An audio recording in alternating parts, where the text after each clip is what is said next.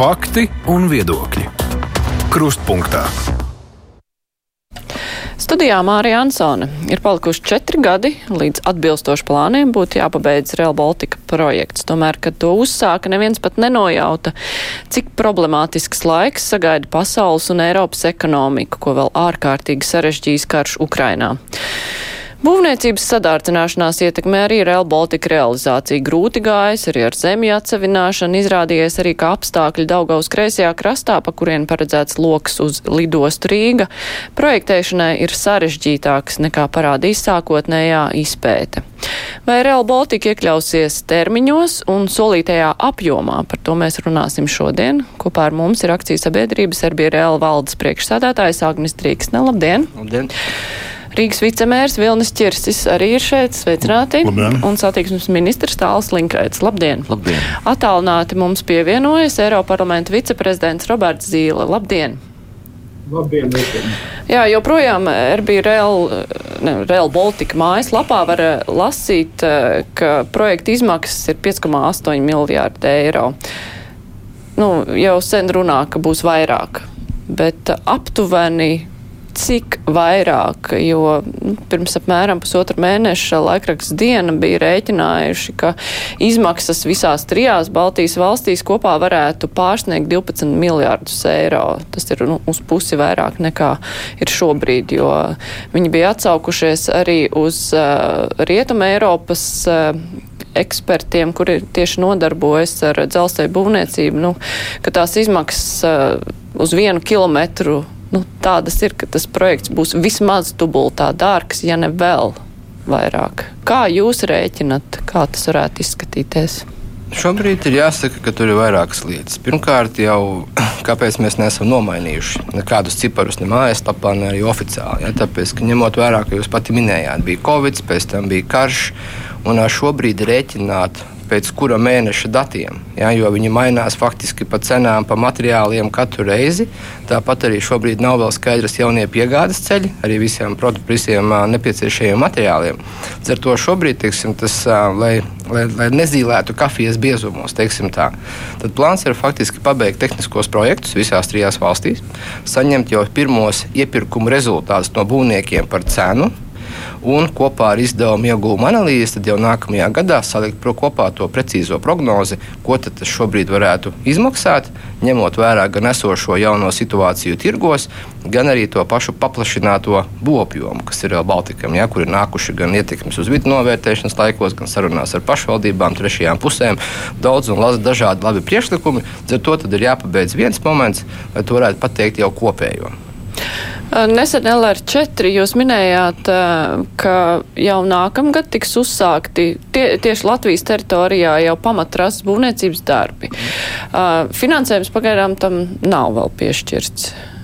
Bet Kādu finansējumu tad prasīt? Vai ir skaidrs, vai šobrīd jau notiek kaut kādas, nu, kaut vai pārunas? Es saprotu, ka ir jāizsludina iepirkums būvniekiem, uh, kuri piedāvās savu cenu, bet noteikti taču notiek kaut kādas sarunas, lai apmēram nojaustu, nu, cik tas varētu izmaksāt un cik lielā mērā tas var atšķirties no sākotnējām aplēsēm.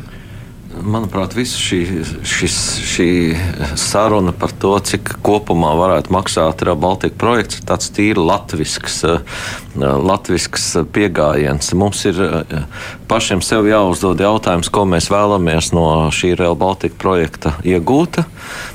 Kā, ko mēs vēlamies, teiksim, infrastruktūras un pakalpojumu ziņā izveidot uz šīs trases un atbilstoši tam arī meklēt pieejamo finansējumu. Jāskatās ir no otras puses.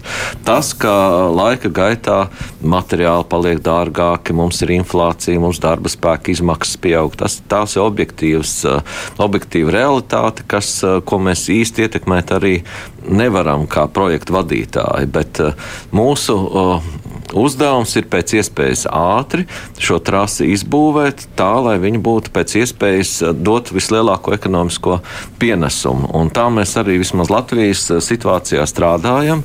Mēs eh, no, uz tās pamatīdejas, kas bija sākotnēji, ka tā būs tīri starptautiskā kravu un pasažieru pārvadājuma trase, mēs esam uzlikuši reģionālos pārvadājumus. Mēs arī skatāmies, kā piesaistīt kravu pārvadātājus, kā piesaistīt piesaistīt loģistikas centrus, lai šo trasi varētu maksimāli izmantot. Un tad atbilstoši tam, kas tiek projektēts, mēs arī piesaistām līdzekļus. Tā, tā lielo projektu specifika Eiropas Savienībā ir tāda, ka visiem šiem projektiem ir jāpiedalās konkursā, ko organizē Eiropas komisijas attiecīgā aģentūra. Par katru posmu tiek piesaistīts finansējums. Mums ir Rīgas centrālā stacija, kur šobrīd notiek būvdarbi, tur ir finansējums, Rīgas lidostas stacija, kur ir tas finansējums Rīgas centrālajai stacijai ir jau pilnā apmērā? Tātad pa daļām tāpat piesaistām finansējumu. Tāpat mums ir projektēšanai finansējums, tāpat mums uh, nākamais pieteikums CEF9 mums ir tāds, kurā mums ir jāpiesakās uz pamatrases būvniecības uzsākšanu. Un skaidrs, ka mēs visus līdzekļus, kas mums ir nepieciešami, neiegūstam uzreiz, mēs iegūstam pa porcijām. Uh, tas, kā mēs varētu pātrināt šo procesu, būtu, ja mums Latvijas valsts li, priekšfinansētu šos izdevumus. Mēs varētu jau daudz vairāk izdarīt šobrīd un pieteikt pēc tam šos, šo izdarīto apjomu Eiropas komisijai atmaksāšanai. Nu, diemžēl nabadzības dēļ vai, vai nu, finanšu plānošanas dēļ mēs, projekts, mēs knapināmies un piesakām uz finansējumu tikai tad, kad faktiski jau nu, viss ir izprojektēts un ir gatavi, mēs esam gatavi būt darbiem. Nu, labi. Varbūt tās precizējot mm -hmm. vienu par to finansējumu apjomu. Arī šobrīd finansējums ir piešķirts ne tikai tām divām uh, stacijām, par ko mēs runājam, bet jau arī šajā finanšu plānošanas periodā vairāk par 120 miljoniem ir piešķirts pamatrases būvniecībai taisnes posmā starp starptautisko lidostu un Lietuvas robežu. Tas ir tas, ko nākamgad ir paredzēts uzsākt. Jā, tā ka finansējums jau bet, pirmie 120 miljoni ir. Un, un šobrīd... ko par tiem 120 miljoniem var izdarīt, Pēc, ja mēs runājam par pamattrasi? Nu, sagaidām iepirkuma rezultātus, teiksim, to finanšu mm -hmm. piedāvājumu. Bet arī šeit es gribētu uzsvērt, ka šā, mēs nepērkam kaķi maisā vai mēs nepērkam vienu ciparu visiem kilometriem. Tas, ko mēs pērkam, ir profesionāls būvnieks un mēs pērkam vienību cenas. Jā, līdz ar to, lai mēs varētu ilgtermiņā būvējot trasi, kad nāk finansējums, arī katru reizi saņemt faktiski o, operacionālo finanšu piedāvājumu, nodrošinot, ka tajā brīdī mēs būvējam pa pašu izdevīgāko cenu, atbilstoši tam, kas ir tirgu vai uz vienu pusi, vai uz otru. Zielskungs, Linkaita kungs, nu pat minēja, ka mums ir jāraugās uz uh, situāciju tā, ka mums ir vēlmes un vajadzības, mēs uh, iesniedzam finansējumu, dabūjam pa posmiem un to realizējam. Bet kā tas izskatās no otras puses, uh, no Eiropas puses, kas ir lielākās naudas devēji? Vai Eiropa ir gatava, nu, teiksim tā, apmierināt visas vēlmes un vajadzības, ko mēs savukārt izvirzam? neatkarīgi no tā, kāds ir projekta apjoms, kas tur ir ietverts uh, un kāds ir sadārdzinājums. Uh, nu jā, es gribētu arī teikt, ka mēs nesāksim varbūt no kokiem skatīties atsevišķiem, bet no meža. Un skaidrs, ka Eiropā visām programmām, gan savienojot Eiropas finanšu instrumentu, no kā mēs finansējam Real Baltica galvenokārt, uh, bet arī teiksim, atvēršanās noturības tad tieši tas pats ir. Visur ir sadārdzinājumi, tikko jums ir investīcijas, jums ir pilnīgi citas cenas nekā tas bija ielikts daudz gadu uh, budžetā un līdz ar to arī ikgadējot.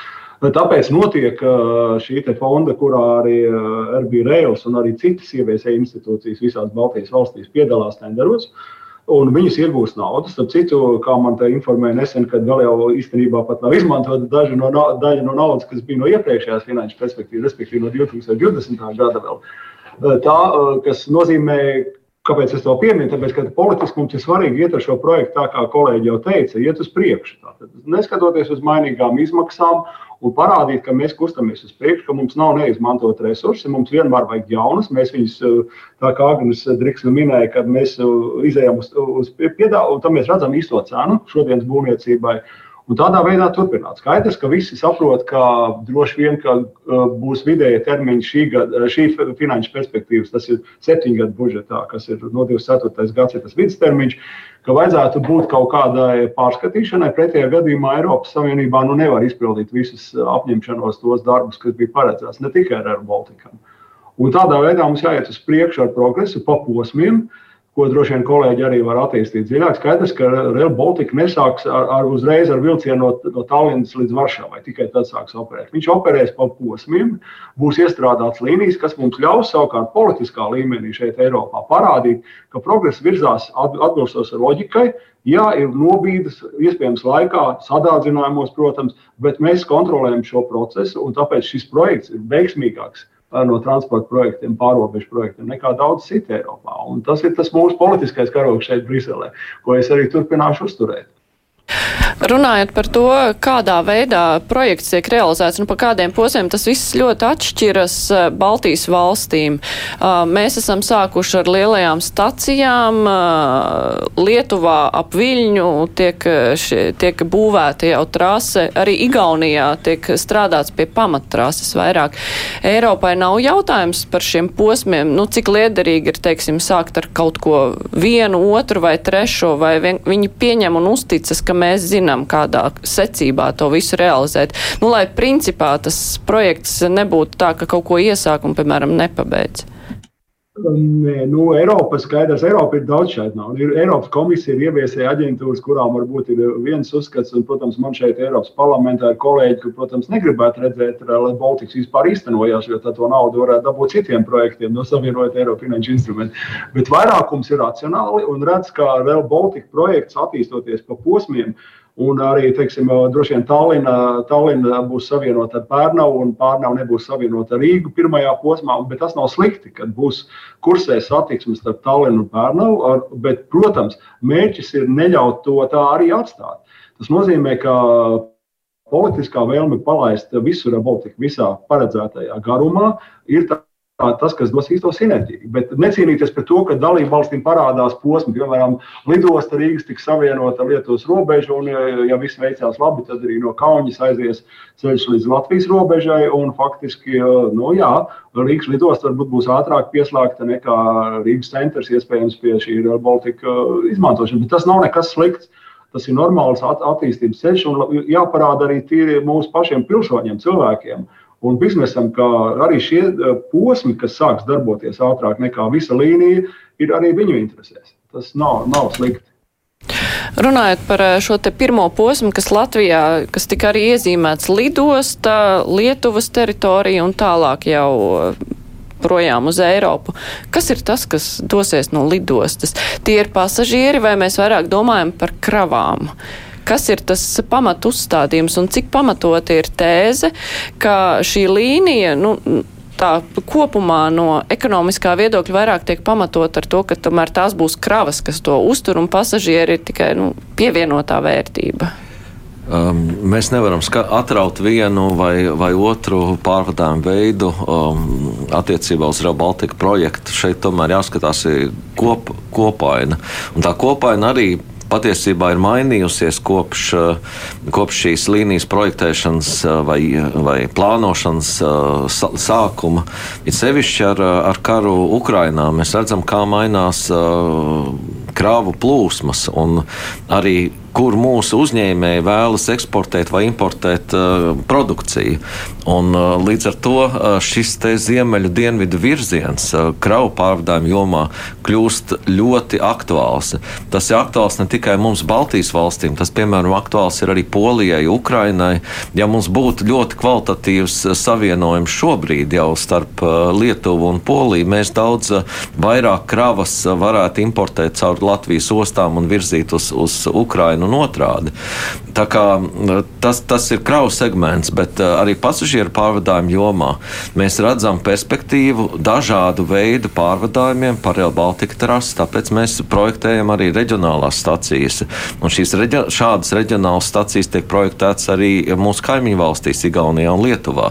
Tad ir plānota gan vietējā satiksme, piemēram, Rīga, Bauska, gan pārobežu reģionālā satiksme, Rīga, Bauska, Pērnava, Paņeva robežā Viļņa, gan arī, protams, starptautiskā satiksme, kas ir iezīmēta no Tallinas uz, uz Varšavu un tālāk uz, uz Eiropu. Tas tā, mūsu interesēs ir šo līniju izmantot maksimāli, cik mēs varam, un tāpēc arī domājot par šo ieviešanas stratēģiju, ir kopēja ieviešanas stratēģija gan visam Real Baltica projektam, gan arī katrā konkrētā valstī. Un mūsu pieejams ir, ka mēs vēlamies tiklīdz ir kāds posms izbūvēts, mēs vēlamies viņu uzreiz izmantot. Runājot par Rīgu, jā, Zilskungs. Paši pie kravām. Man bija pirms pāris nedēļām attālināta sanāksme arī Lietuvas parlamentā par Real Baltiku. Un, tur, protams, Lietuvijas, Lietuvas ministrija nepārprotami spiež uz to, lai arī mēģinātu iekļaut uh, virzienu no Kaunas uz Klaipēdu ar šauras liežu Eiropas platums sliedēm. Tātad Uh, uz ko, protams, mums jārēķinās, ka arī mums jaunajā valdības koalīcijā tas pats ir, kad uh, mēs arī paliksim uh, nepārprotam, ka mēs arī uz Ventspili un arī uz Liepā iespējams vēlam, vēlamies to pašu, kas, protams, ir dārgi. Skaidrs, ka tas nenotiks Real Baltica projekta ietveros tieši, bet šī cīņa un konkurence ar kravām uz ostām jaunajos apstākļos, ko Linkaita kungs minēja, nu, ir, ir būtisks arguments. Vēl jau vairāk, ka mums būs jāsagatavo plāni katrai valstī atteikties no vecām Krievijas platums liedēm arī ne tikai teiksim, no, no, no kravu viedokļa, bet arī no drošības viedokļa uz Eiropas platumsliedēm, vai arī varbūt uh, nu, kaut ko saīsināt pierobežā vispār dzelzceļa jomā. Par Rīgu runājot, uh, šodien Latvijas radio jūs minējāt, uh, ka mēs esam pārē, pārējiem no projektēšanas fāzes uz darba realizācijas fāzi visā projektā. Rīgā šī projektēšanas fāze ir tiešām noslēgusies, projekti ir gatavi, viss ir saskaņots, tajā skaitā ar visiem komunikāciju turētājiem, ar Latvijas dzelzceļu, kur nu, tās sliedes tiešām ir uh, blakus, ne viena virs otras. Kāda ne, ne, tur ir situācija? Rīgā noteikti nav noslēgušies. Tāpēc, ka, tā kā es šo teicu, protams, es domāju arī to secīgo ieviešanu. Ja, tā tad primāri, kur mēs pārējām uz jau lieliem, apjomīgiem būvniecības darbiem, ko arī varēs redzēt, tas ir taisnība starp lidostu un Lietuvas robežu. Un tāpat arī Lietuvā, sākot no Kaunas, jau virzīsies uz Paņevežu, un savukārt Igaunijā no Tallinas uz Pērnaunu. Tas nenozīmē, ka mēs pirmajā piegājienā atrisinām pašus sarežģītākos mezglus, kas mums ir. Ja, Rīga viennozīmīgi ir viens no tādiem. Ja, līdz ar to pirmajā fāzē Rīgā vēl joprojām ir daudz darba kopā ar Rīgas pilsētu, lai faktiski salāgotu arī to trases novietojumu, izprojektētu, saņemtu un pabeigtu visu apkārtējo arī infrastruktūras salāgošanu. Tā kā noteikti Rīgā ir, ir darba daudz, tāpēc arī tā Ieviešanas stratēģija ir tāda, ka tu pamatā nodrošini jau to savienojumu visam koridoram, ja, un pēc tam secīgi arī attīsti Rīgu, kas ir lidosta, pēc tam ievads uz centrālo staciju un pēc tam savienojums starp staciju un lidostu. Kādas tad ir tās galvenās problēmas, eh, ko Rīgā vajag risināt šobrīd? Jo nu, īpaši kreisais krasts tur jau bija skaidrs, ka tur ir ļoti daudz tādu sarežģītu gan dabiskie šķēršļi, gan eh, komunikācijas, eh, gan gal galā tur ir Latvijas dzelzceļa sliedes, kuras virzās uz jūrmalu. Kuras, kuras ir tās problemātiskākās vietas? Nu, es teikšu, ka vispār projekts ir izaicinājums bagāts, jo viņš ir, protams, ļoti eh, sarežģīts un viņam ir ļoti daudz dažādu aspektu, tā skaitā eh, finansiāli, bet no pilsētas viedokļa, protams, mēs eh, nu, redzam, ka tas dos būtisku pienesumu Rīgas ekonomikai un, un, un dzīvei. Bet skaidrs, ka mūsu izaicinājums arī lai nebūtu tā, ka šis dzelzceļš um, nu, nezinu, sadala pilsētu divās daļās, ja, lai tomēr uh, viņš integrētos, būtu uh, šķērsojuma iespējas, ja, lai nebūtu nezinu, tur pie Babītas, un tad nākamais tikai centrālajā stācijā. Vai, nu, es te pārspīlēju, ja, bet nu, idejas tā. Tāpat, lai nebūtu tā, ka nezinu, vācu turists atbrauc ar, ar čemodānu līdz uh, centrālajai stacijai, un tad viņš eh, tālāk nesaprot, kur viņam iet. Apkārt ir, ir teikt, eh, gadu desmitiem izveidojusies vide. Ja.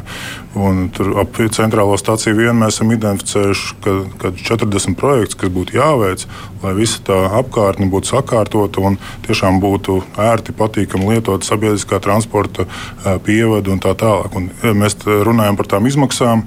Tad izmaksās vēl nav piemēram tas, kas no pilsētas puses, ja, visa šī saistītā infrastruktūra. Piemēram, šīs centrālās stacijas šie projekti bija aplēse, ka tas ir kaut kāds 170 miljoni jā, apmēram viss, viss kopā. Bet nu, solīt pa solītam ar satiksmes ministriju, paldies ministram par, par atbalstu. Jā, tad šo, nākamajā gadā ir plānots jau vairākus projektus veikt. Šī pati ir atziņa krasmala jā, pie tā saucamā Titanika, tur tāda krasmala sakārtot, un Gogoļa ielas, šie visi uh, tuneļi. Ja. Nu, es, teiktu, ka, um, es teiktu, ka galvenais izaicinājums jā, tā ir. Uh, nu, ņemot vērā, ka tas mēs būvējam vismaz simts gadiem, lai nebūtu tā, ka mēs kaut ko izdarām un pēc tam saprotam, ka tā bija kļūda. Ja, tad vismaz, kur, ja, ja šobrīd nav nauda, tad paredzēt, ka tur nākotnē nezinu, iebūvēt rievsienas, ka tur var to tuneli izbūvēt vai, vai kā savādāk. Ja. Un tas viss ir jāparedz jau tagad. Plus, nu, ko es slēpšu, nu, pilsēta nepaldās naudā. Ja, un pēc būtības tā līdzekļu mobilizācija ir jānotiek tagad. Ja, un, Un, nu, tā nu sanāk, ka bieži vien visi saka, ka nu, Rīgā vajadzētu tur nezinu, brīvības ielas attaisīt, to ielas attaisīt. Jā. Bet nu, mēs šobrīd esam vēsturiskā situācijā, kurā uh, mums tā nauda ir jāieliek Rail Baltica saistītā infrastruktūrā, lai mēs sakal, uh, pēc tam nepazaudētu kaut kādas iespējas, uh, kuras, par kurām mēs nākotnē ļoti nožēlojam. Es teiktu, ka tas finansiālais aspekts ir, ir, ir pats par sevi izaicinājums, jā, bet izaicinājums ir integrēt Rail Baltica ļoti labi teiksim, Rīgas pilsētvidē, lai kaut kādas iespējas nākotnē neaizvērt jau šodien cietu. Un teorētiski tam Rīgas projektam, kas eh, varbūt eh, nerunājot par centrālo staciju, kur jau darbi arī ir sākušies, bet uh, tieši tas ceļš uz lidostu, nu, tam jau arī vajadzēja būt gatavam, bet nu, tur būs vēl jāprojektē. Pat cik ilgu laiku mēs runājam, nu, ir minēts jau, nu, ka, ka vēl gadi trīs vispār būs vajadzīgi, kamēr būs skaidrs tas projekts, ja vispār to izdosies realizēt, jo ir problēmas gan ar Latvijas dzelzceļu, kuriem arī ir savas prasības un tehniskie noteikumi. Nē, nu es neteiktu, ka tās ir problēmas. Um, tas tā kā pareizi Čirškungs teica, principā, tas ir salāgot un nodrošināt to, lai visiem infrastruktūras veidiem, vai tie ir divi dažādi dzelzceļi, vai tas ir auto, vai tas ir principā riteņbraucēji vai gājēji, lai mēs varētu nodrošināt, lai Rīga būtu pieejama un lai dzelzceļš nevis, kā pareizi tik minēts, nevis sadalītu, ja, bet pilnveidotu un papildinātu. Vai tas ir nokļuva, piemēram, Stradiņu slimnīcā, vai tas ir tas pats tunels, vai tas ir savienojums ar lidostu. Mēs nevaram izpostīt vidi un neatlikt neko vietā. Un tieši tur ir tas izaicinājums. Ja, ja mēs paskatāmies vēsturiski, arī kreiso krastu, cik daudz biedrībā mēs esam diskutējuši, ja, teiksim, kādas ir tās vajadzības. Pēc tam atkal dzelzceļš, citi infrastruktūras turētāji, ūdens, gāzi un tā tālāk, pilsēta, pārvadi.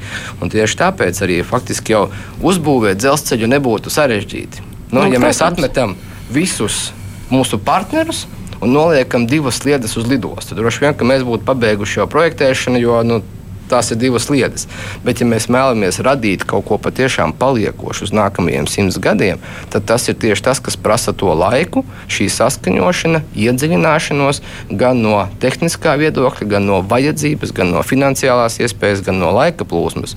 Līdz ar to, pat ja tur ir kavēšanās kādu gadu vai, vai, vai pusotru, tas nenozīmē, ka tā ir kavēšanās, jo netiek kaut kas darīts. Tā ir, tā ir faktiski laika efektīva izmantošana, lai nodrošinātu to interesu realizēšanu.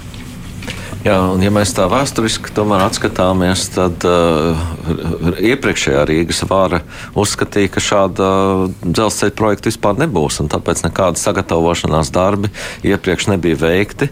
Mums uzsākot Real Baltica līnijas projektēšanu, faktiski mēs inicējām visu šo uh, dažādo jautājumu loku, kas ir saistīti ar apkārtnes attīstību, ar lokālu plānojumu veidošanu, garu dzelzceļa līniju, kas notiks Toņakalnā, kā, kā izskatīs izskatīsies integrācija ar, ar zinātnes šo mēslu.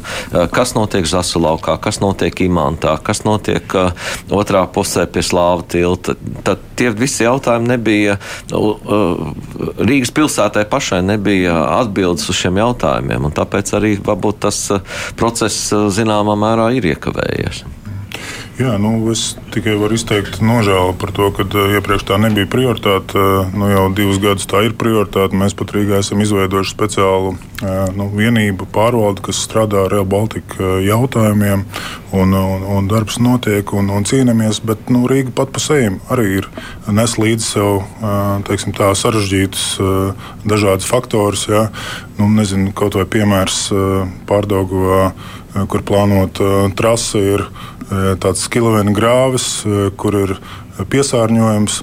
Un, ko mums nosaka nosacījuma likums, ja mēs tur gribam kaut ko būvēt, tad jātiek galā ar to. Tas maksā dārgi, tur uzreiz izpēta, tas viss prasa laiku, kā, kā to izdarīt. Šobrīd, piemēram, nav iespējas pašvaldībai aiziet un valsts kasē aizņemties naudu, lai likvidētu šo piesārņojumu. Tad vēl šis jautājums tur jārisina, jā, vai kā savādāk. Tā kā tīri objektīvi, jā, Rīga ir izaicinājumiem bagāta vide, jā, bet, nu, kā lai pasaka, mums pieci gadi vai, vai pat vairāk, kad Real Baltica projekts sākās. Nu, tas viss iekavētais mums bija jānoķer, mēs teiktu, divu, divu gadu laikā. Jā. Nu, labi, bet, ja, nu, ja runājam par piesārņojumu, jā, tā droši vien Rīgas pašas risinām problēma. Bet, ja skatāmies kopumā uz nu, tiem sarežģījumiem, kas ir atklājušies, jo sākumā šķita, nu, ka tur ir vienkārši nebūs tur daudz problēmas ne ar tiem tiltiņiem, arī mhm. Torņakalnā, kur ir diezgan šaura vieta, kur ir jātiek cauri, nu, ka tur visu varēs izdarīt. Tagad izrādās, ka nu, tomēr iespējams, ka pat ir vajag plašāku to projektu joslu. Tās ir problēmas savukārt, kuras finansiāli vajadzēs uzņemties Real Baltica šī, šo problēmu risināšana? Tā ir smalka droši vien tā līnija. No pirmais, kad uh, faktiski ir tie izaicinājumi, kas ir jāpārvar, jā, un arī, ja mēs skatāmies no, no ministrijas puses, jā, tad ir speciāla Real Baltica likums, kas pieņems, kas arī atvieglos daudzas nu, lietas. Saskaņošana, jā. Darīt, teiksim, to pašu saskaņošanu, arī pēc likuma, piemēram, tie paši pieminētie tiltiņi, jā, nu, likumus neparedz iespēju viņus nojaukt, piemēram, nav tādas opcijas likumā. Līdz ar to arī pirmkārt jau pati diskusija vai tas tiltiņš ir saglabājams tādā izskatā, kā viņš ir savu vēsturisko teiksim, elpu un to vēsturisko garu, vai savukārt cita sabiedrības daļa saka, ka ar visu cieņu tas tilts ir avārijas stāvoklī, pāri viņiem pārbraukt nevar, kur no ratiem ar riteņiem un mobīlu, teiksim, tādai moderna infrastruktūra. Nu, Tā, labi, bet nerunājot par tiltiņiem, bet, piemēram, par uh, Latvijas dzelzceļa prasībām, tās neprasa plašāku tās teritorijas uh, joslu. Nē, nu šobrīd mēs paliekam tajā, teiksim, nodalījuma joslā Rīgā, tas ir, tā ir pilsēta vide. Ja, līdz ar to teiksim, nepastāv tādas iespējas, ka mēs paplašināmies vienkārši radikāli uz abām pusēm, piemēram, nojaucot pusi no pilsētas. Tas ir dārgi, nesamērīgi un droši vien nedod to pienoto vērtību. Līdz ar to ir tā, ka Real Baltica ienākšana Rīgā jau sākotnēji ļoti uzmanīgi tika plānota, no kurās puses tas vispār ir iespējams sākot no jau, jau, jau, jau ziemeļu koridorus, kas tika apskatīts. Tur, man liekas, bija kaut kādas simts dažādas alternatīvas, kā vispār ir iespējams to izdarīt. Tas ir viens. Un otrais, ja mēs runājam par finansējumu, tad arī, protams, kad mēs redzam kopējo vajadzību, nu, kas ir teiksim, pilsētai, iedzīvotājiem, Real Baltikam, bet tajā pašā laikā finansējums ir jāgrupē. Tas, ko var nofinansēt Real Baltica, tas, kur mēs varam piesaistīt teiksim, citus fondus, kā kohēzijas vai tā pati teiksim, tas, um, atjaunošanās fonds. Ja? Līdz ar to arī tā finanšu plānošana Tas ir viens no elementiem, kā nodrošināt to digu, vien, nu, digu, teiksim, vienas lāpstas principu. Ja? Tāpēc tas ir būtiski. Jo nav nevienam ilūzija, ka Real Baltica uzbūvēs pilnībā visas vēlmes un vajadzības, kas trijās Baltijas valstīs, jebkurā pašvaldībā vai jebkuram infrastruktūras citam turētājam būs. Jā, un es gribēju tikai piebilst, ka faktiski visā šī projekta gaitā mums ir ļoti daudz šīs saskaņošanas sanāksmes ar dažādiem lietotājiem, ar, ar, ar dažādu interešu glabātājiem, un tā skaitā arī runājot par Toņa kalnu un Zasu lauku. Mēs jau esam atmetuši sarunu gaitā dažādas o, dārgākās opcijas, kuras, kuras viens vai otrs bija izvirzījis kā savas vēlmes, jo, protams, ka mēs apzināmies to finanšu ietvaru, kāds mums ir, un viens ir atrast, nu, teiksim, vēl kaut kāds papildu līdzekļus tam, kas ir racionāls, un otrs cerēt, ka, ka mēs šeit uzbūvēsim kaut kādu zelta, zelta dzelzceļu. Nu, tā īsti nebūs, un to, to mēs no satiksmes ministrijas puses visu laiku pieskatām, lai šis projekts nu, tomēr turās noteiktos rāmjos. Bet vai jums lieta, ir pilnīgi? Protams, ir, ir, ir nezaudēt iespējas. Ja, teiksim, ja mēs šobrīd sakām, labi, mēs šobrīd to izdarīt nevaram, teiksim, laikā sarežģīt kaut kas, bet mēs atstājam iespēju to izdarīt tajā momentā, kad mums tas finansējums un tā iespēja radīsies. Un tas ir ļoti svarīgi. Teiksim, identificēt, ko mēs varam tagad, ko mēs gribētu, piemēram, 20 gadu perspektīvā un saglabāt iespēju to izdarīt. Nu jā, bet vai šobrīd, eh, redzot, kādā stadijā ir projektēšana, redzot, eh, ko parādījušas tālākās izpētes, jums ir pilna pārliecība, ka tur visas problēmas var atrisināt, tajā skaitā, nu, teiksim tā, ne, netaisot varbūt zelta projektu, bet, mm. nu, kaut kādas tādas eh, sak, saprātīgas Rīgas vēlmes ievērojot, ka to tiešām var tīri tehniski izdarīt, pat ja tas maksā dārgāk. Nu, Jums ja, ir pārliecība, ja ka to var.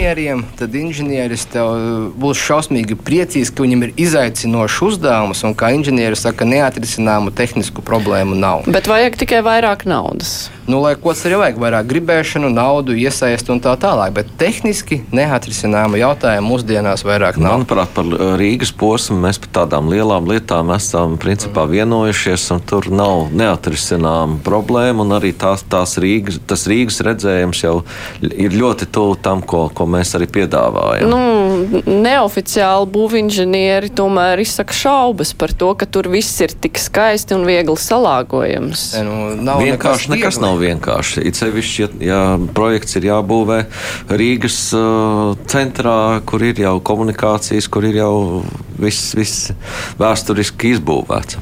Zilskungs, uh, šī te sadaļa, kas ir, nu, viena no izaicinošākajām visā projektā. Uh, Kā uz to raugās naudas devēji? Vai viņi varētu būt gatavi maksāt, nu, lai atrisinātu jebkādu problēmu, vai arī, nu, teiksim, var lūgt, nu, tā meklējiet citu risinājumu, ka tas ir pārāk sarežģīti, dārgi, un tad, nu, domājiet kaut kā citādāk. Tāds variants arī var būt es pirmkārt jau minēju, ka uh, es paredzu, ka ņemot vērā šo sadārdzinājumu lietas, ko mēs runājām par būvniecību, tā skaitā, protams, par uh, dzelzceļa būvniecību, ka visas atbildes nav, bet visi saprot, ka jūs nevarat uzbūvēt to pašu kilometru dzelzceļu par to naudu, kas bija plānota septiņu gadu budžetā. Tas ir skaidrs. Jeb, jebkuram fondam. Tātad šis jautājums līdz galam nav atrisināts, bet viņš šeit politiski briest. Un, un tur jābūt risinājumam. Tas ir par šo sadārdzinājumu faktoru. Bet līdzīgi ir arī par šo te, tā sakot, Rīgai visdraudzīgāko veidu, kas vismazāk aizskar, kas, protams, droši vien ir dārgāks. Tas jautājums jau ir jāredz konkrētos skaitļos un konkrētās, ko tas īstenībā nozīmē. Un, nu, tas ir droši vien gan Rīgas pilsētas, gan arī Rail, gan arī Eiropas līnijām, Eiropas dzelzceļa līnijām. Ja, tad mūsu ieviesa institūcija jāatrod šis risinājums. Un tad var mēģināt, jo, kā mēs zinām, šī izmaksu pieauguma, līdz ar to arī projektēšanas iespējams kādas e, izmaiņas ir, ir runājums, bet šodien atbildes nav. Kamēr nav šī lielā bilde skaidra, vai būs papildus grozījumi e, vidus septiņgadu budžetā, vai kā citādi tiks indeksētas šīs lietas, kas neapšaubām būvniecībā ir. Jebkurā būvniecībā, jebkurā Eiropas valstī pašlaik. Bet, bet es gribētu atgādināt vienu lietu, kad Finanšu ministrija bija jāpiespiež gandrīz paņemt, cik nu var tos grantus un atvesļinās noteikti. Es runāju par grantiem, atvesļinās noteikti mehānismu ar mokām. Un, un tad vēl ir, ir vēl viena cita programma, kas ir daļai izmanto atvesļošanās noturības mehānismu iespējas, tā saucamais angļuiski Recovery U, kas faktiski nozīmē energodrošības iespējas. Un tur atkal mēs esam. Ne. Tur ir gandrīz ar mokām jāiespiež to, ka mums šis resurs ir iespējams jaunai valdībai. Un tur ir aizņēmumi, iespējas uz ilgtermiņa naudu ar lētākiem resursiem nekā finanšu ministrija ir gājusi tagad, nu, pat nesen finanšu tirgos. Uh, Bet tad ir jāinvestē tajās jomās, ko, kas nosaka to. Tur jāsaskaņo ar Eiropas komisiju. Un, uh, tur ir 2 miljardi eiro iespējams aizņemties šo garo naudu pamatā energolietām, bet es pieņemu, ka daļa no šīm lietām varētu būt arī sakarā ar, ar šo drošību, arī veidojot šo jauno projektu. Tā kā ir, ir ļoti daudz iespējas, ko, manuprāt, mēs neesam izmantojuši iepriekšējā periodā. Es ļoti ceru, ka mums tomēr izdosies jaunajā valdībai to kaut kā iekustināt. Uh, ir skaidrs, nu, ka visas trīs Baltijas valstis ir ieinteresētas, lai nu, visā garumā šī līnija sāk darboties, lai nav tā, ka tikai ir Igauniem kaut kāds viens posms, mums kaut kāds posms, tur kāds savienojums ar lietuviešiem. Vai no partneru puses nav arī kaut kādi mudinājumi, es nezinu, izbūvēt teiksim, pamata trasi visā garumā, uh, nu, varbūt izvairoties no vai atstājot uz vēlāku tos sarežģītos posmus, kas nu, šajā gadījumā ir tas, kas iet cauri Rīgai.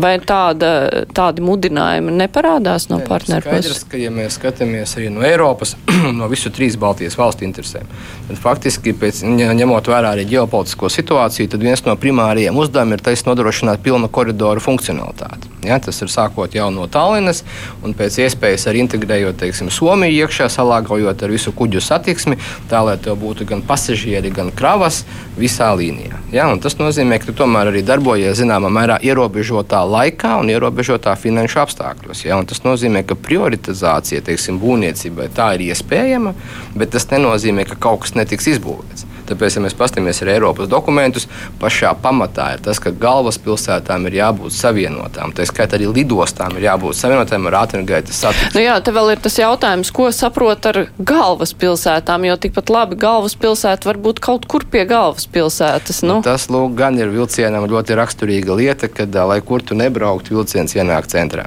Un tā ir viena no lielākajām priekšrocībām, ka tā nav lidostā ārpus pilsētas, jā, vai kāds spēlveids, bet viņš patiešām ienāk iekšā centrā, tur, kur ir cilvēki. Un tas ir tomēr tas, kā dzelzceļu sauc par to infrastruktūras asinsrīti. Jā, to, to bet tas nozīmē, ka, ka mēs nevarēsim uzskatīt, ka ir savienotas visas trīs Baltijas valstis ar Eiropu tajā brīdī, ka nebūs šis lokus. Tur nekas nevar aiziet apkārt caur salas pili, piemēram. Šobrīd arī tā pati līnija, tā, viņa bija plānota, arī mēs skatāmies Latvijā, tad, teiksim, atgādinot arī klausītājiem, mums ir pamatrase pasažieriem un kravām. Tātad pasažieru pamatrase ir tā, kas iet cauri Rīgu, caur centrālo staciju, starptautisko lidostu Rīga, un pēc tam dodas tālāk vai nu uz Lietuvu, vai nu uz Igauniju. Un kravas? Savukārt, kravas ir tas, kas ir salaspīlī, sasaistīts kopā ar salaspils multimodālo loģistikas centru, nodrošinot vienoto koridoru ar Via Baltica priekškravām, un tā skaitā ļoti skaidru krustpunktu arī 15-20 infrastruktūra salaspīlī. Tātad mums ir pasažieru līnija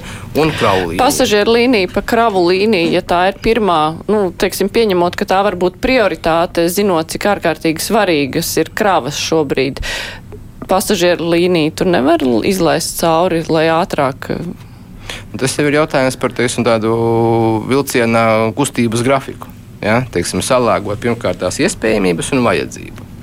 Ja, teiksim, būtu stāsts, piemēram, par kādu uh, ģeopolitiskās situācijas militāru apdraudējumu, droši vien katrs to jebkādu risinājumu. Nē, tas, uz ko es vedinu, es gribu saprast, vai nevar gadīties tā, ka zinot visas izmaksas un to, ka mēs lēnām finansējam uz priekšu pēc vajadzībām, ka Rīga pēkšņi izkrīt vienkārši tikai tāpēc, ka, nu, ir ļoti dārgi, varbūt naudas nav un. Tā nevar būt. Tāpēc, kad galvaspilsētas mēs saprotam ar galvaspilsētām, un tas nenozīmē staciju upes lejā priekšā ar vienu stabiņu. Tas patiešām ir efektīvs savienojums, jo pretējā gadījumā tev ir nesenāk iegūma izdevuma analīze. Ja, teiksim, jo tev nepieciešams gan kravu plūsma, gan pasažieru. Tā ka pateikt, ka būtu kāds risks, ka Rīga netiktu savienota kopējā Real Baltica koridorā kopā ar pārējo Eiropu un vienotā dzelzceļa tīklā, es domāju, ka tas būtu pārspīlēts, tas nav iespējams. Bet savukārt, piemēram, teiksim, atzaras uz, uz, uz uz Viļņu, protams, ja, tas jau varētu būt patiešām otrajā kārtā, kur tu primāri nodrošina pašu savienojumu jau pamatrasē. Ja. Jo uz Viļņu ir teiksim, 15, 20 stiedas pilnībā funkcionāls, un mēs skatāmies pa tām kārtām, tad tā būtu loģiski arī teiksim, tā, tā otrā kārta vai turpatās sekojot jau, jau pamatrasē. Rīgai jau droši vien nebūtu pieņemama. Jā, tas ir. Es domāju, ka tur nesen bija dažādi pētījumi jā, par uh, Rīgas un uh, attiecībām ar Tallinu un, un Viļņu. Jā, un es domāju, mums tas laiks ir uh, jāatgūst, jā, tas zaudētais. Un, nu, šāds noteikti projekts var dot ļoti labu grūdienu Rīgai, jā, jo Rīga, es teiktu, strateģiski varētu būt Baltijas valstīm pa vidu un tas varētu nu, nezinu, kaut kādiem lieliem notikumiem būtu pievilcīgāks punkts. Bet, ja, ja mēs aizietu uz šo jūsu zīmēto tādu uh, slikto scenāriju, jā, nu, tad, protams, tas viss pilnīgi apgriezt ar kājām gaisā jā, un dot Rīgai vēl nebijušu nu, teikt, rūkumus. sajūta. Jo tāpēc, ka nu, visāds, jā, Zīles kungs ir papildināt. Puses tāds jautājums nav izskatāms, jo Rīgas dzelzceļa Rīgas centrs ir iekšā pamatprojektā no paša sākuma. Tātad tiek notiek būvdarbi, jau kā mēs zinām. Tātad domāt, ka kāds uh, Eiropā teiks, ka nē, nē, pa dārgu, un tad mēs Rīgas centru vairs nesavienojam ar līniju un pietiek ar lidostiem. Nu, tāds variants nav iespējams. Izņemot tad, ja Latvija pati un Rīga kaut ko nedara. Bet es neticu tādam scenārijam, ka jebkura Rīgas vadība vai Latvijas vadība varētu kaut ko tādu izlemt. Jo tā būtu izniekota nauda ar cilvēku resursu, laiks un viss, kas cits. Tas nav iespējams. Bet es gribu arī nomierināt cilvēkus, varbūt domāt, domājat par to, ka, nu, jā, redz, ka centrs nebūs savienots uzreiz ar ātru gaitas dzelzceļu un lidostu un tālāk pasažieru pārvadājumiem, un tālāk uz Lietuvu un uz Poliju un tā tālāk. Bet eh, nu, savienojumu ar lidostu tajā laikā, kamēr nav Rīgas uh, dzelzceļa stācija savienota ar šo līniju, nu, var jau atrisināt samērā arī ar šodienas metodēm. Un cilvēki var braukt uz Rīgas lidostu ne tikai lai lidotu, bet iespējams lietot arī šo ātrā vilcienu, kad viņš sāks kursēt. Tas jau arī ir tomēr rīznieku iegūms, ja gribētu teikt, un visu Latvijas iedzīvotāju. Jā, darba, darba variants, ko mēs arī izskatām, ka iesākumā imanta stacija varētu būt tas, tas gala punkts, un tas būtu arī pārsēšanās punkts uz esošo dzelzceļa sistēmu un tādā veidā nodrošināt šo savienojumību. Es tikai arī, man, man liekas, ka šī diskusija ir tāda ļoti teorētiska. Mums uh, nav, nav tik daudz uh, jāprāto par to, ka kā, kā mēs uh, nonākam galā līdz tam rezultātam. Jo mums ir ieviešanas stratēģija, ir, ir, ir skaidri zinām, kā Real Baltica projekts tiks uh, ieviests, pa kādiem posmiem, secībām un tā tālāk. Mums vienkārši ir jāsāk uh, būvniecības darbi. Nu, pat tiekoties ar savu polijas kolēģi, viņš bija ļoti uztraukts par to, vai Baltijas valstis spēja šo projektu pacelt un spēja uh, šo projektu īstenot īstenot, jo arī Polija savā teritorijā investē ļoti lielus līdzekļus uh, Belastokas uh, suvalku virzienā, kas viņiem tā nacionāli skatoties ir pilnīgi maznozīmīgs. Un tagad neproporcionāli lieli uh, gan savi līdzekļi, gan Eiropas līdzekļi tiek ieguldīti, un viņi cer arī šos savus līdzekļus pēc iespējas ātrāk dabūt atpakaļ, cerot uz, uz kravu un pasažieru plūsmām. Un tas ir, tā, tā nav viena Lietuva, un tā nav Lietuva un Latvija. Tas, šīs kravu plūsmas un pasažieru plūsmas būs tikai tad, kad būs šī pamatlīnija visā trasē izbūvēta. Nu jā, nē, es piekrītu, ka, protams, ka mūsu saruna ir teorētiska. Tajā pašā laikā mēs redzam, ka ir kaut kādas posmi, kur notiek aizķeršanās, nu, tāda pietiekoši nopietna aizķeršanās, lai mēs nevarētu vairs paļauties to, ka 26. gadā brauksim uz Berlīni. Nu, un tāpēc gribas saprast, kā tas varētu izskatīties tuvāko gadu laikā, jo visi jau grib beidzot braukt uz to Berlīni. Un, eh, tāpēc arī mēs mēģinam šeit iezīmēt tos tā, tuvākos un tālākos plānus. Mums nav ļoti daudz laika palicis. Es eh, gribēju vaicāt arī saistībā ar tieši praktisko būvniecību un arī Ukrainas kontekstu. Mēs ceram, ka karš beigsies tur ātri, iespējami ātri, un Ukrainā būs ļoti daudz darāmā, un arī Eiropa ļoti daudz naudas dos, un tas būs darba spēks, kas tur strādās, un tā visa ir būvniecība. Vai kāds eh, jau tagad rēķina, nu, vai resursu pietiks arī tīri praktisko Jā, faktiski, darba tieši, spēka. Tieši šodienā notiekās industrijas diena, kur arī no Real Baltica ģimenes puses tiek faktiski informēts gan par to ieviešanas programmu, par to, kas ir paveikts un liekot uzsvaru taisni uz nozari, ja, lai mēs varētu laicīgi mobilizēt gan būvniekus, kas, protams, ir viens būtisks elements ar visu nepieciešamo tehniku, bet otrais, protams, arī loģistika, lai nodrošinātu faktiski to apjomu priekš tiem materiāliem, kas Real Balticam ir vajadzīgs. Un, ja mēs skatāmies, ka tā tā intensīvā būvniecība taisni sākās ar 24. un 26. tad jau šobrīd, 22. gadā, mums ir jābūt skaidrai vīzijai un plānam, kā to izdarīt un mobilizēt tirgu. Ja mēs gaidīsim, ka atnāks būvnieks un pēkšņi viens pats būvnieks atradīs pilnībā visu, tad droši vien tas nav iespējams. Tāpēc ir jābūt laicīgi iesaistot ostas, esošos dzelzceļus un dažādus industriju pārstāvjus. Nu, es domāju, tā noteikti ir problēma, par kuru ir jādomā. Jo nu, Rīga arī kā liels pasūtītājs šobrīd mums ir tuvu 200 miljoniem atvērtu būvniecības projektu. Tuvākos gados ir plānoti tādi objekti, kurus mēs nevaram nedarīt. Piemēram, šie četri lielie tilti Rīgas, kas ir ļoti sliktā stāvoklī. Mēs viņus nevaram atlikt kaut kad uz pēc tam. Jā. Tā kā tie projekti ir, ir gana daudz, viņi nāks vēl klāt. Un tas, ko mēs esam arī apjautājušies tiem pašiem esošiem būvniekiem, nu, viņi saka, ka viņi ar vienu acī jau skatās uz, uz, uz to pusi jā, un, un jau domā, kā savus resursus daļai novirzīt tur. Tā, tā noteikti būs problēma. Tas, ko kā, nu, uz ko viņi saka, ka vairāk vai mazāk tas varbūt nebūs tāds parastais darbspēks. Tie būs, nu, kas arī nav nekāda labā ziņa, ja, kas būs ūdens vadītāji vai, vai inženieri. Nu, tāds, kvalificētākais būvniecības gals, ja, kas nu, ir nemazāk satraucošs. Bet mums pietiks savu resursu, vai mums ir resursi jāmeklē kaut kur citur, un tagad pēc šiem resursiem būs milzīgs pieprasījums? Nu, protams, ka ir iespējams uh, iegūt jebkādas resursus. Jautājums ir tikai par cenu. Un, uh, to, kāda būs cena konkrētiem resursiem konkrētā laikā, to uh, uh, būvnieki šobrīd rēķina savos uh, finanšu piedāvājumos, uh, kad viņi piesakās uz Real Baltica projektu. Uh, ceru, ka šie uh, aprēķini ir, ir pamatoti un tad arī, uh, tad arī uh, resursu būs.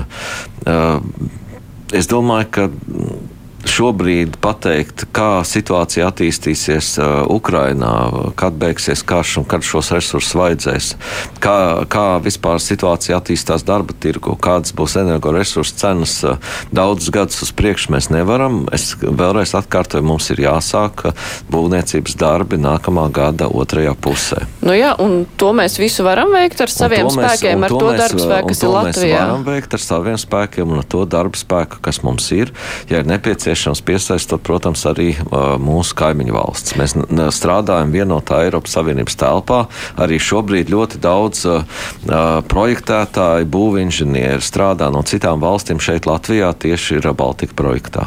Bet varbūt tās, tas arī ir tas svarīgais moments, ja, ka mēs neplānojam Real Baltica projektu katrā valstī atrauti. Ja, ja katra valsts sāktu konkurēt par tiem resursiem ja, un cīnīties par tiem pašiem cilvēkiem, tad droši vien tas aiziet tādā nekontrolējumā plūsmā.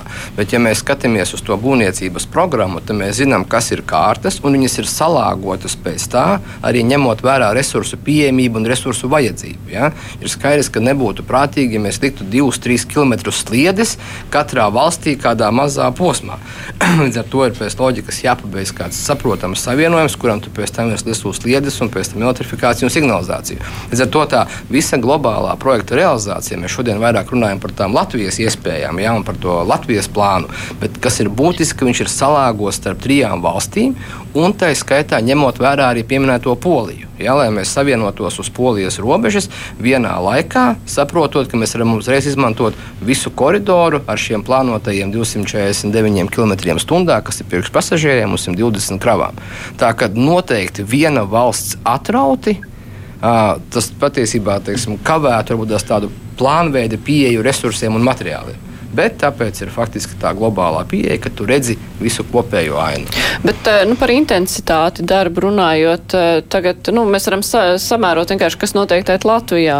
Tiek būvētas stacijas, nākamgad eh, būvēs daļu pamattrases tā intensitāte kāps vai paliks apmēram tādā pašā līmenī? Nu, tīri, lai var novērtēt, cik daudz vajag būvētāju un vispārējo. Nē, noteikti kāps. Tāpēc, tas ir tāpat kā ar jebkuru būvniecības procesu. Ja tu sākumā plāno projektē, tu attiecīgi pavadi daudz laika, bet izmanto salīdzinoši maz līdzekļus.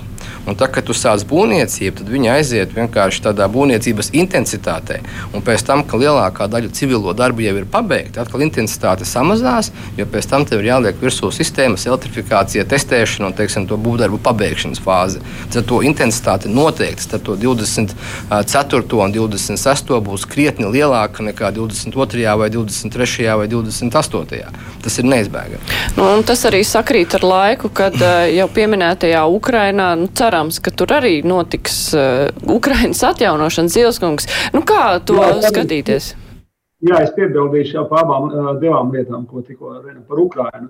Pašlaik parlaments ir finišs taisnē, un padome, cik es zinu, ministri jau ir apsprieduši Transeiropas tīklu, respektīvi lielo tīklu revīziju, kurā ir iekrauts vienīgā jaunās līnijas, ir iekļauts uh, Ukraiņas un Moldāvijas līnija. Visas pārējās vēlmes, ko šeit bija uh, arī mani kolēģi parlamentā, vēlme, mēs arī šeit parlamentā neiekļausim. Izņemot Ukraiņas un Moldāvijas pievienošanu tātad Eiropas transporta galvenajiem tīkliem.